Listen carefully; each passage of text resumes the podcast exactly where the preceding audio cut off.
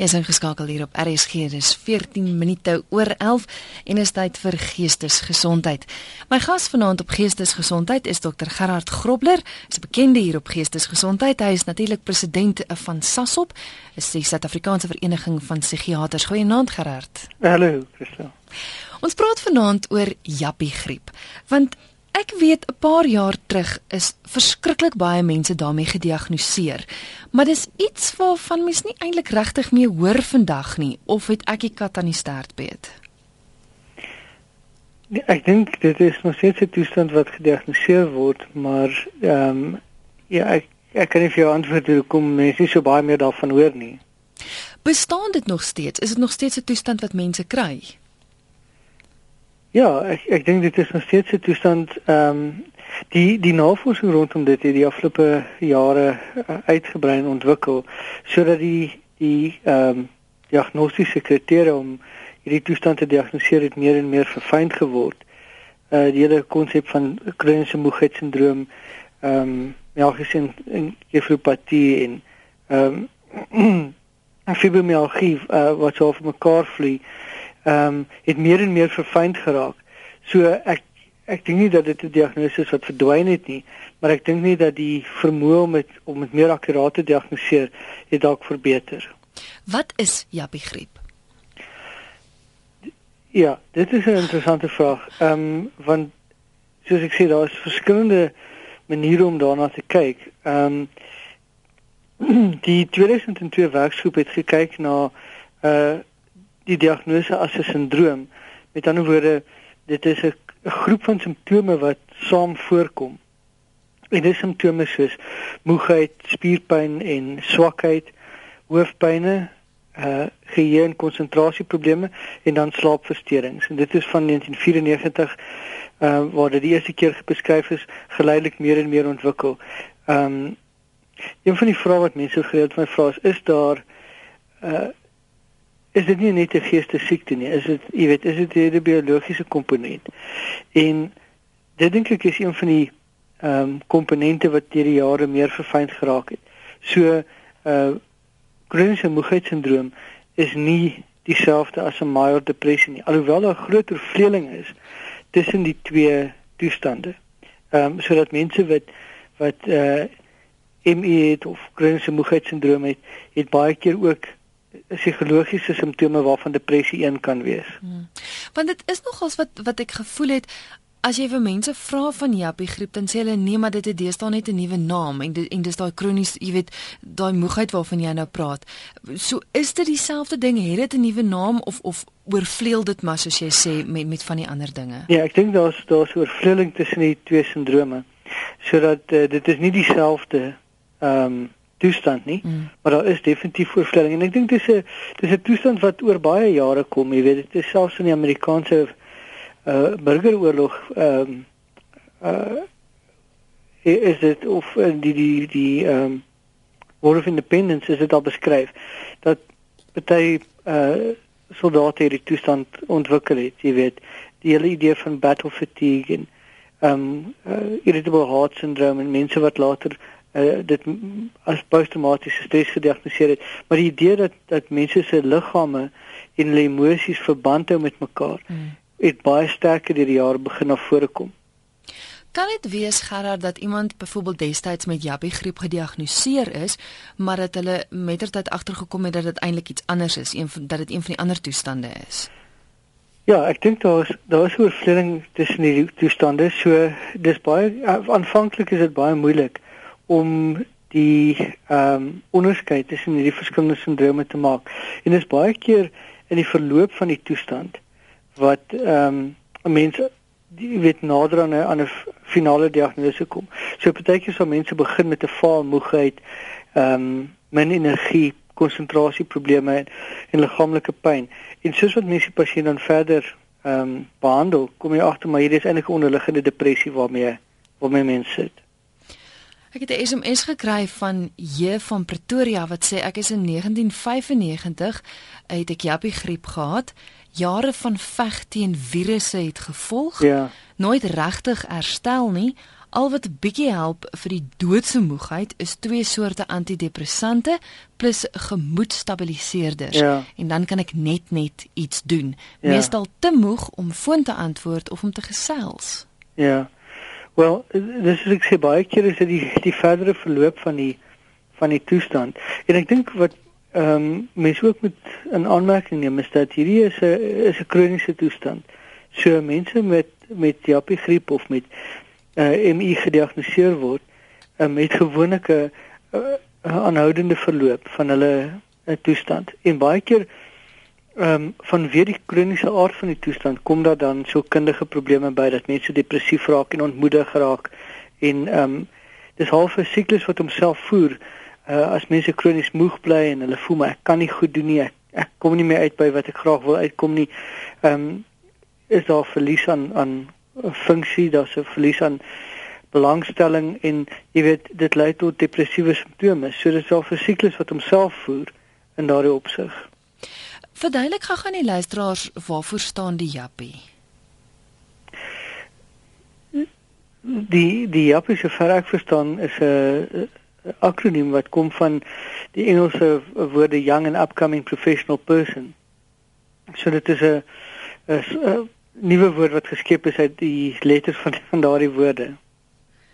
So die die implikasie daarvan was dat dit in 'n sekere deel van die bevolking voorgekom het en dit het gewoonlik voorgekom of kom gewoonlik voor onder mense wat baie stresvolle werk het, wat wat baie hoë druk het en wat ook baie hoë verwagtinge van hulle self het. Dat dit dit is amper 'n witboortjie uh, siekte. Ek wil nou net vir jou vra, sou daai daai toestande dit veroorsaak, daai daai intense stres by werk, is, is dit wat jappie griep veroorsaak? Wel, ek dink dit is waar die verskilling tussen jappie griep en depressie baie interessant raak want ek daar word in die verskil my daar word uh, in die onlangse navorsing baie gekyk in terme van depressie na toestande soos uh, mitokondriale disfunksie. En ons weet dat die mitokondria die dele in ons selle is wat te maak het met energieproduksie. So op 'n manier kan 'n mens depressie um, konseptualiseer as 'n toestand van energie. Mense te min energie het. En dit is hier vleeling baie keer dan ook met die um, kroniese moegheidssindroom.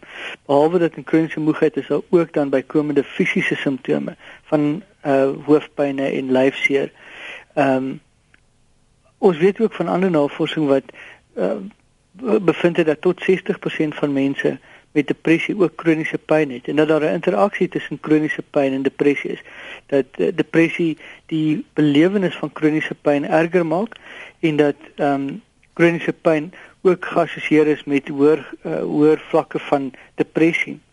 So ehm um, Richards en, en kollegas het 'n studie gedoen ehm um, in 2000 waar hulle gaan kyk het na mense se verwagtinge. Ehm um, en gevind dat dat mense wat hulle self as siek sien, ehm um, wat hulle self as ehm um, ongesteld beskou, mm -hmm. dan ook langer ehm um, siek bly. So dit het ook te maak met mense se verwagtinge van uh van die toestand. En een van die paradokse in hierdie ehm um, in hierdie toestand is dat hoe minder mense dan doen om hulle energie te be, behou en te beskerm, ehm um, hoe seker voel hulle. So deel van die behandeling van van jappie griep is om ehm um, matige gereelde oefening te doen en ook aktiwiteitsskedulering te doen sodat mense nou nie ehm um, jy weet soos wat die luisteraar gesê het uh ou verplig om goed te doen wat hy voel hy nie kan doen nie mm. maar ook nie heeltemal sê goed omdat jy hierdie toestand het word jy absoluut vrygestel van enige uh, aktiwiteite nie want dit is wat die toestand in stand hou Ek wil gou terugkom jy praat nou van wat mens kan doen en spesifiek nou met jappie griep maar daai SMS wat ons vroeër gekry het van die luisteraar wat daai intense moegheid het. Wat wat maak iemand wat wat fisies nie eers krag het om 'n telefoon te antwoord nie? Is daar iets wat daaraan gedoen kan word? Ja, ek ek dink mens moet ook 'n aanmerking neem dat hierdie ehm um, beide depressie en jappie griep dan ehm um, toestande by uitsluiting is. So mens moet gaan seker maak dat daar nie ander onderliggende oorsake vir kroniese moegheid is nie. Dinge soos tiroïedprobleme byvoorbeeld met 'n onderaktiewe skildklier kan vir mense ook soortgelyke simptome gee.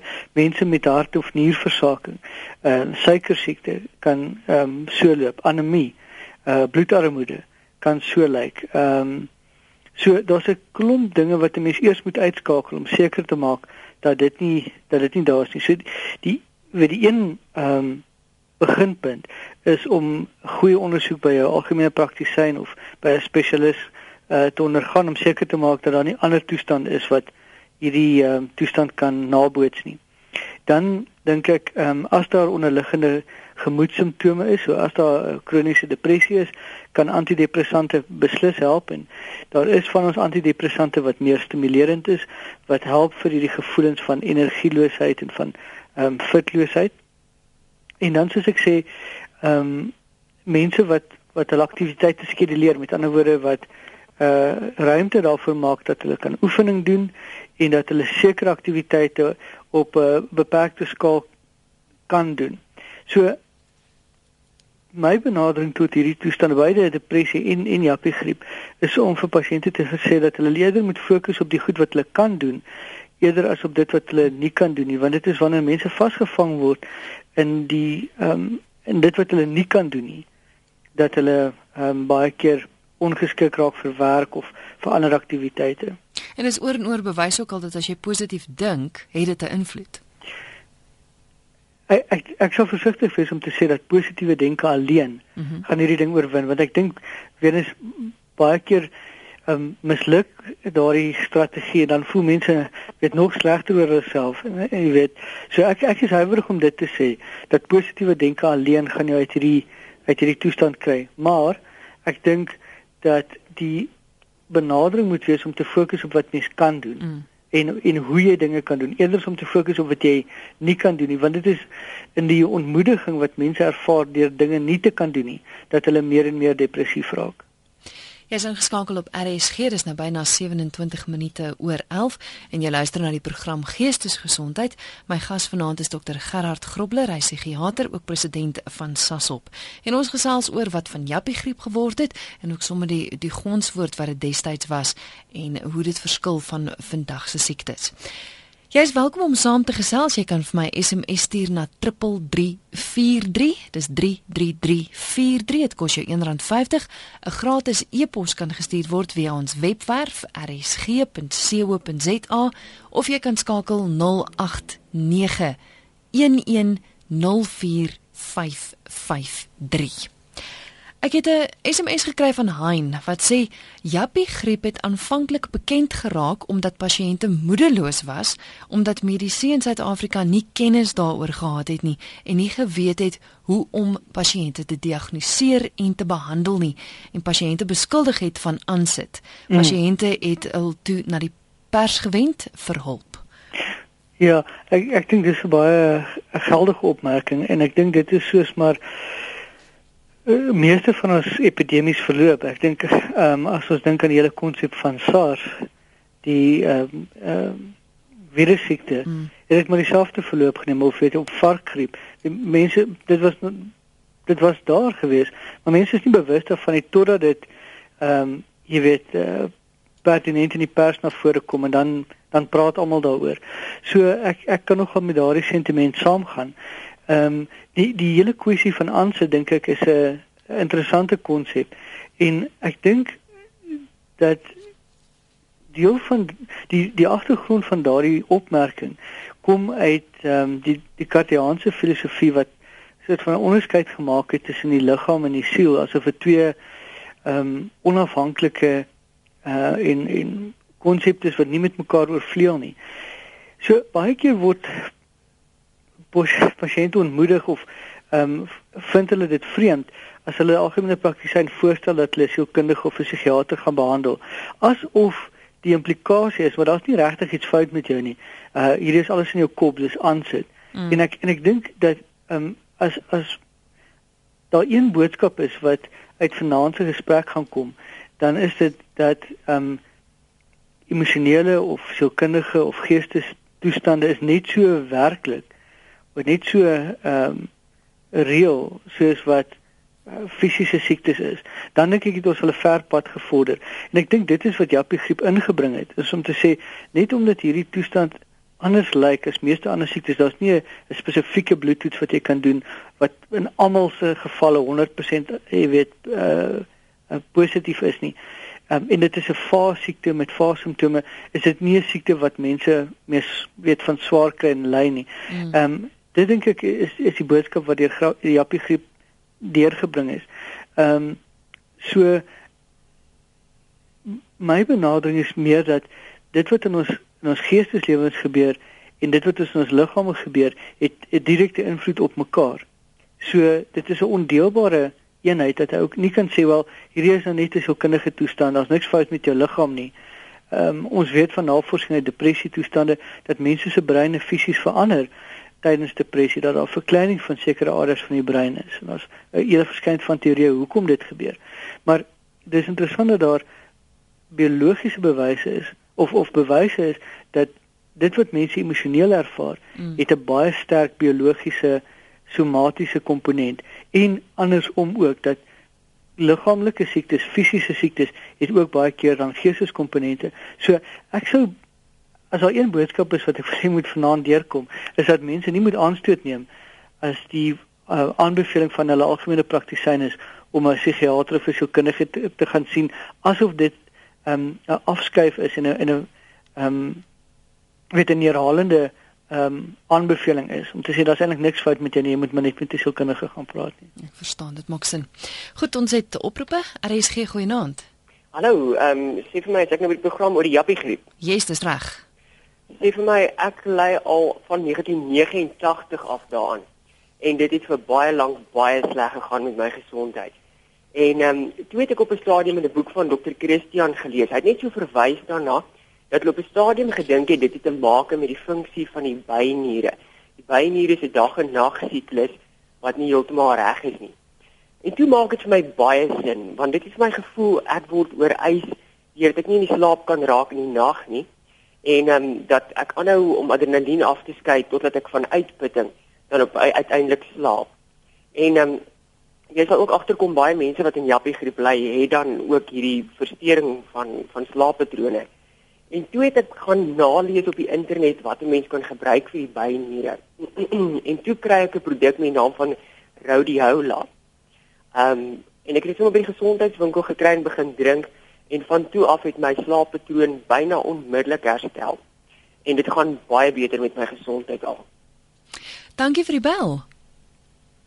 Ek wil net nog iets graag sê. Ja, seker. My teorie op hierdie stadium is dat daardie die die feit dat jou byniere die adrenalien aanhou afskei en jou nie toelaat om om tot rus te kom in die nag nie. Ek dink dit maak stelselmatig skade aan verskillende dele van jou liggaam. Sodat uiteindelik sit jy met 'n hele klomp probleme. Selfs nou dat ek genoeg rus kry, het ek nog steeds bloedsuikerprobleme. Mm. Ek moet nog steeds um vleis op gereelde tye eet om serotonien te verskaf. Um my my um my serotonien vlakke raak te laag, dan kry ek ook depressie, maar ek gebruik nie antidepressante nie. Ek um ek ek eet vleis daarvoor versprei deur die dag, net soos wat mense nou vir bloedsuiker um ander kos eet. En um so in verskillende opsigte dink ek dit beskadig aan mense gestel. Ek gaan nou mettertyd kan sien tot watter mate hierdie skade in party vir party dele miskien permanent is en vir party dele nie. Maar op hierdie stadium oefen ek elke dag. Um ek bly nou hier langs die see, ek gaan draf elke dag op die strand en um ek werk al 'n voldag se werk wat ek destyds glad nie kon gedoen het nie. So die die groot verskil was was vir my met daai begin drink van die rhodiola. Dis wonderlike nuus en baie dankie dat jy dit met ons gedeel het. Totreg. Dankie, totsiens. Lekker aan. Totsiens. Maak dit sin die wat hy sê van die byniere? Ja, ek daar's hele uh, klop opmerkings wat uit daardie gesprek uitkom. Ek dink ehm um, ek kan nie een spesifieke produk uh, bo ander een aanbeveel nie. So ek ek sal versigtig wees om dit te doen. Mm -hmm. Ek dink daar's 'n hele klomp teorieë rondom uh, wat jappie griep veroorsaak en die ehm um, hypothalamus hypofise adriana akse akse teorie sekerlik een van hulle postvirale uh, moegheid is is 'n ander een immunologiese re responsiviteit is 'n ander een. So daar daar's 'n hele klomp teorieë oor wat hierdie toestand veroorsaak. Ehm um, ek dink wat wat baie duidelik uitgekom het uit daardie gesprek is dat die eet en oefening ehm um, en en lewenstyl is beslis belangrik in die behandeling van ehm um, jappie griep. So ek is baie bly om te hoor dat die luisteraar oefen op 'n gereelde basis. Ek dink dit is baie nodig dat mense op 'n gereelde basis oefen. Ek ek, ek sou graag gehoor het of uh, of hy of sy rook. Ek hoop nie dat dit die geval is nie want dit sal die toestand vererger.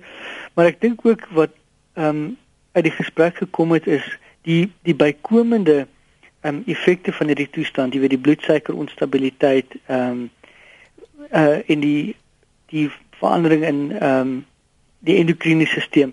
Ek dink dit is baie waar. Die ander ding wat ek dink baie belangrik in hierdie gesprek is, is dat ehm um, wat hierdie toestand baie moeilik maak, is dat dan nie standaard regimes van behandeling is wat vir almal werk nie. Dis nie 'n kwessie van daar's 'n resepie en elke ou wat wat Jappie griep het moet net hierdie resepie volg en dan gaan dit weet goed gaan met hom nie. Dis 'n hoogs individuele siekte en dit het ook 'n hoogs individuele behandeling. Daar's sekere beginsels en ek dink die beginsels van 'n gesonde lewenstyl in terme van oefening, ehm um, in terme van slaapregulasie, ehm um, die eetpatrone en so meer is belangrik, maar hoe dit vir elke individu gaan werk is 'n kwessie van meet en pas. En dis wat baie pasiënte vir my al gesê het, jy weet wat vir party mense werk, werk nie vir hulle nie, maar hulle het op weet op met uh, probeer en tref metode agtergekom dat hierdie stel van van aktiwiteite werk vir hulle. So ek dink dit is belangrik om um, op te merk dat dis hoogs individuele behandeling en daar is nie een antwoord wat vir alles werk nie. Die hele kwessie van die slaapregulasie is baie belangrik en veral in die moderne navorsing rondom ehm um, depressie selfs is die hele konsep van sirkadiese siklisering en van ehm um, die diurnale variasie word belangrik. So die die slaappatroon en die disregulering van slaap is in albei toestande dink ek redelik belangrik. Dat ehm um, dis nie net die adrenergiese of die bynierstelsel wat hierby betrokke is nie, maar ook breinstelsels soos die melatonienstelsel byvoorbeeld. Ehm um, speel ook 'n rol by die regulering van slaap.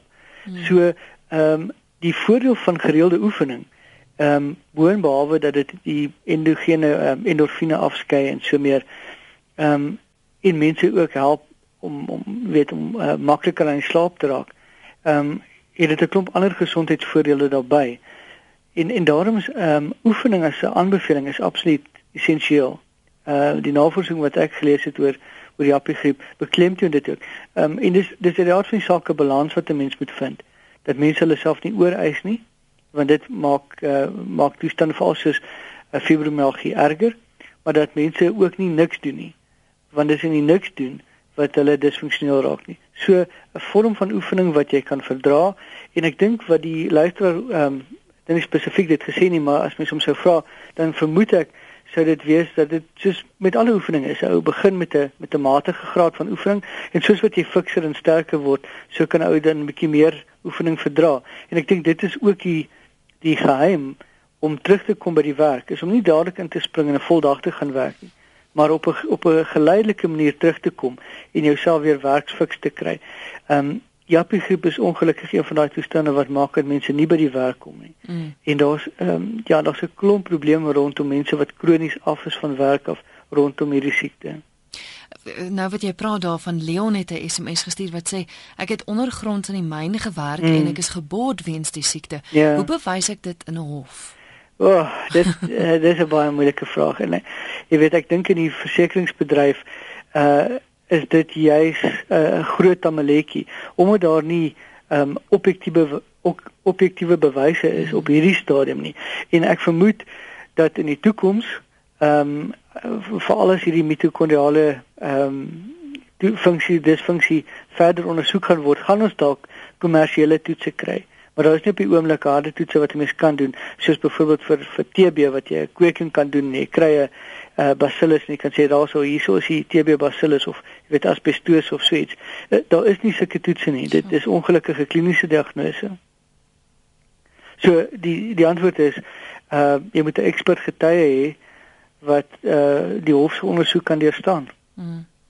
Is ons iemand wat wil weet wat is die verband tussen Jappie griep en Epstein-Barr virus? Ja. Wel, een van die teorieë was dat uh kroniese moegheidssindroom die gevolg van uh, of sitomegaal of Epstein-Barr virus is. Ehm um, en soos ek sê ek, ek dit is in die hele ontwikkeling van hierdie toestand was dit op 'n stadium baie ehm um, baie op die voorgrond gewees. Ehm um, my lees van die literatuur op die oomblik is dat dit 'n rol kan speel, maar dit is nie in alle gevalle noodwendig is nie. En dit die hele konsep van die postvirale uh, moegheidssindroom kom van hierdie uh, Epstein-Barr en Cytomegalovirus infeksies. Helen wil weet of dit beperk is tot sekere persoonlikheidstipes. is dit al Ehm um, Wel, as as jy mens kyk na uh die aanvanklike beskrywing hiervan in terme van van jappies, ehm um, ek dink Helen verwys na die tipe A persoonlikhede, so dis die ouens wat hoog gedrewe is, perfectionist perfectionisties, hoe eis aan hulle self stel, baie hardwerkend, dan dan jy weet sou mens geneig is om te sê ja, hulle is geassosieer met daardie persoonlikheidstipe. Maar ek dink nie dit is heeltemal waar nie. Ek jy weet uit my ervaring het ek pasiënte gesien uit alle met met alle soorte van persoonlikheid wat hierdie toestand kry. So ek sal nie sê dat dit beperk is tot een spesifieke tipe persoonlikheid nie. Maar ek dink dat mense wat um, hoë eise aan hulle self stel, wat drywers is, wat ehm um, uh, wat uh, uh, baie ambisieus is. Ehm um, ja, hulle word geaffekteer deur die toestand en dit is vir hulle baie sleg omdat dit uh die die kern van hulle menswees dan op 'n manier aantas. Jy is ingeskakel op RSG, jy luister na Geestesgesondheid en Dr Gerard Grobler gesels vanaand met my oor jappie griep. Marlene stuur 'n SMS. Sy sê die term jappie griep grief my werklik. Ja. Dit dra by tot die indruk dat dit net by jappies voorkom Ja. en nie ernstig opgeneem word nie. Ja. Dit klink amper soos luksheid om dit te hê. Sy sê dit is absoluut hel en ek wens die onprofessionele mense neem ek aan of sy sê sy voel onprofessioneel en sy voel verkleinerend. Ja. Ehm um, dis 'n uitdrukking wat sy nie hou daarvan dat dit gebruik moet word nie. Ja. Wel eh, ek ek stem saam. Ek ehm um, ek dink op 'n breër front ehm um, is my ervaring dat enige beskrywing van 'n toestand ehm um, kry later 'n uh, stigmatiserende of 'n negatiewe koneksie. Ehm um, en en HIV is eh, 'n uh, voorbeeld daarvan. Dit maak nie saak watter eufemisme mens vir HIV wil gebruik nie op die einde ehm um, begin dit ook ehm um, stigmatiserend te word. So ehm um, ek dink haar punt is goed gemaak en daarom sal ek verkies om te praat van kroniese moegheidssindroom of ehm um, of ME myalgiese enkefopatie uh eerder as om te sê jy weet jappie griep. Ja. Omdat ek dink dit is eerstens dis nie akkuraat nie. Die term griep impliseer dat dit te maak het met 'n virusinfeksie. Ehm um, jy weet van die uh, van die griepvirus wat nie akkuraat is nie. Uh so ek dink die term jappie griep is nie 'n akkurate term om te gebruik nie, maar dit is verseker stigmatiserend. RSG goeienaand. Ag goeienaand. Ag ek wil net 'n bietjie hoor. Uh, tussen die jappie griep en die uh, Coxsackie virus, is daar enige verband? Goed, gaan jy luister by die radio. Ja, dankie. Goed, dankie. Kon jy duidelik hoor gaan? Ja, die die Coxsackie virus. Wel, soos ek gesê, die een van die uh, vroeë teorieë was dat die ehm um, jappie griep aan die uh, aangeskakel word deur ehm um, immunologiese reaksie op verskeie virussoorte. Jy weet, so dit kan Coxsackie virus wees, dit kan Epstein-Barr wees, dit kan Cytomegalovirus virus wees, dit kan uh die ehm um, die griepvirusse wees. Ehm um, ek dink dat dit kan verseker 'n ro- 'n rol speel. Ek dink dat die immunologiese response uh, het versekerde uh, bydra tot moegheid. Dit is 'n beskryfde simptoom van 'n verskeidenheid van virale infeksies.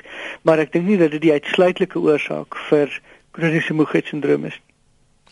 Dis ons nou 'n interessante epos wat ek van Adrian kry wat sê my seun kry dieselfde simptome naamlik moegheid, depressie, hoofpyn, kan nie konsentreer nie, sy kop voel soos watte. Maar nou sê hy die oorsaak was baie eenvoudig, naamlik die inname van MSG. Speel dit 'n rol? Ja. Wel, soos ek vroeër gesê het, ek dink dat die hele lewenstyl ehm um, oefening en dieet ehm um, is belangrik. En en om terug te kom om die punte beklemtoon dat ehm um, hier is nie 'n toestand of 'n groep toestand eintlik wat 'n mens dan ehm um, op 'n patroonmatige manier kan kan vasstaan. Dit is 'n individuele toestand. So daar is sekerlik mense wat allergies is of sensitief is vir MSG, vir ander kleurstowwe, ehm um, vir ehm um, oksidante en vir ehm um, preserveermiddels. En ek dink dat mense ehm um, wanneer hulle hierdie simptome begin kry, moet vir hulle self gaan uitvind. Jy weet, as ek ehm um, uh, gaskoedranke vir my of as ek sekere produkte vir my met uh, eh, MSG in ehm um, jy weet watter effek het dit. Hmm. Ehm um, en ek dink dat mense by wyse van uitsluiting op 'n punt kan kom om te sê, "Wel as ek hierdie produk gebruik, dan voel ek sleg." Jy weet so, ek moet dit uitsny. Ek weet net ek dink MSG is nie die finale oorsaak mm. vir jappie griep nie, maar dit is verseker 'n bydraende faktor, soos wat die eet oor die algemeen uh, 'n bydraende faktor kan wees. Jy weet ek ek dink byvoorbeeld aan mense met um, insulienweerstandigheid kan ook simptome van moegheid en lusteloosheid en uh, verlies aan dryfkrag en dis meer het. En daar is die antwoord is dieetaanpassing. Ek dink dit sluit aan by die SMS wat ek nou vir jou gaan lees. Ek weet dit is moeilik om te bepaal of iemand dit het, maar dalk het jy raad vir die luisteraar. So sê goeie naand, ek wil net uitvind of ek ook aan Jappie griep ly. Ek is diabetes graad 2, ja. onaktiewe skildklier, cholesterol en nog ander goed. Ek voel nie siek nie, maar wil net slaap. As my man in die oggend ry om te gaan werk, trek ja. ek alles toe en ek gaan slaap verder tot 12 uur. Ek ja. het nie meer lus om skoon te maak nie. Ja. Ehm um, ek Wel, ek dink 'n mens moet versigtig wees om die telefone diagnose ja. te maak sonder om iemand te ondersoek. Maar ek dink daar's genoeg ander redes vir die persoon se simptome eerder as om te sê dat hierdie is duidelik jappie griep. Mm. Jy weet, ongekontroleerde diabetes, uh, veral die tipe 2 diabetes, ehm um, onbehandelde uh, onderaktiewe skildklier kan met presies hierdie simptome uh, presenteer. En soos ek sê, ehm um, uh, psigiatriese siektes soos byvoorbeeld manodepressiewe episode kan ook so presenteer. So ek sal huiwerig wees om met daardie geskiedenis te sê, wel nee, dit moet jappie groep wees. Ek dink daar's 'n klomp ander goed wat uh, dit ook kan wees. So nou wie toe gaan gaan die persoon byvoorbeeld? Gaan mens na 'n gewone huisdokter toe? Hoe sure. waar begin mens? ja, ek ek dink die beginpunt ehm um, en veral in die model wat ons in Suid-Afrika probeer volg is dat die algemene praktisyns ehm um, is die beginpunt. Jy weet, uh, ons wil nie graag hê mense moet direk na 'n spesialis toe gaan en onmiddellik begin, alhoewel dit nie oneties of onwettig is nie. Mm. Maar uh dis nie dis baie duurder. Ehm um, maar dit hang sekerlik af van van die beskikbaarheid van jou algemene praktisyn en en kundigheid en dies meer. So uh ek dink mense behoort te gaan na na wie ook al vertroue het uh om jou behoorlik te ondersoek. Ehm um, ek sou hoop dat dit die algemene praktisyn is. Uh die hele rol van 'n algemene praktisyn is om iemand deur sy hele lewensiklus te ken.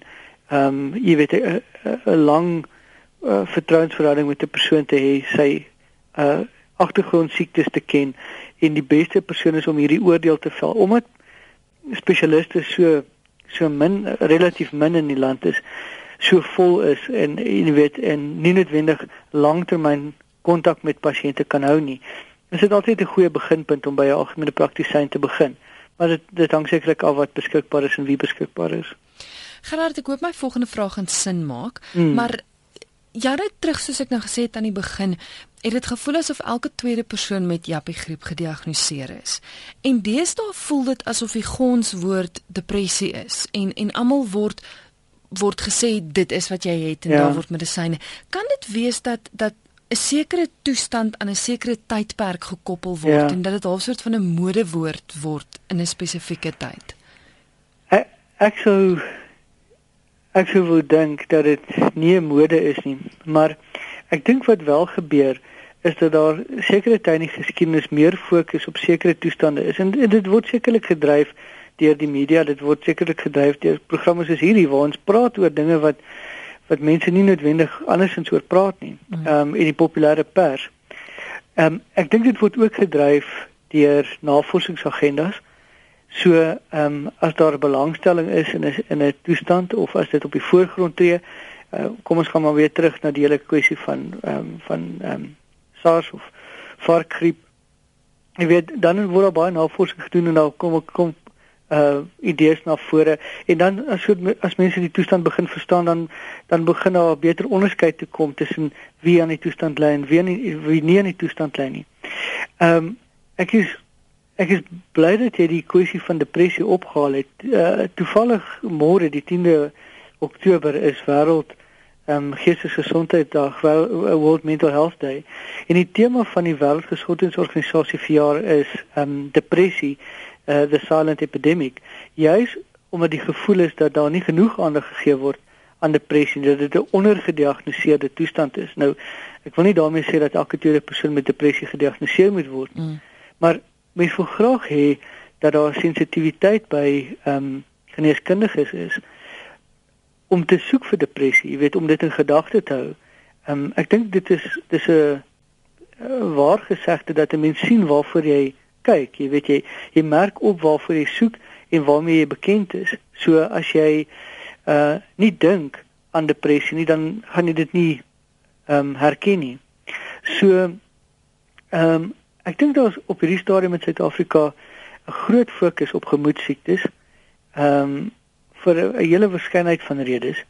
So ek ek dink daar word 'n klomp mense gediagnoseer. Ek wil my nie uitlaat of dit korrek of nie korrek is nie, maar ek dink uh jou vraag was of dit 'n modewoord is. Ek ek dink nie dat dit 'n modewoord is nie. Ek dink nie dat dit ehm um, te maak het met die die fokus wat in die media en ook in die akademiese kringe op sekere toestande geplaas word.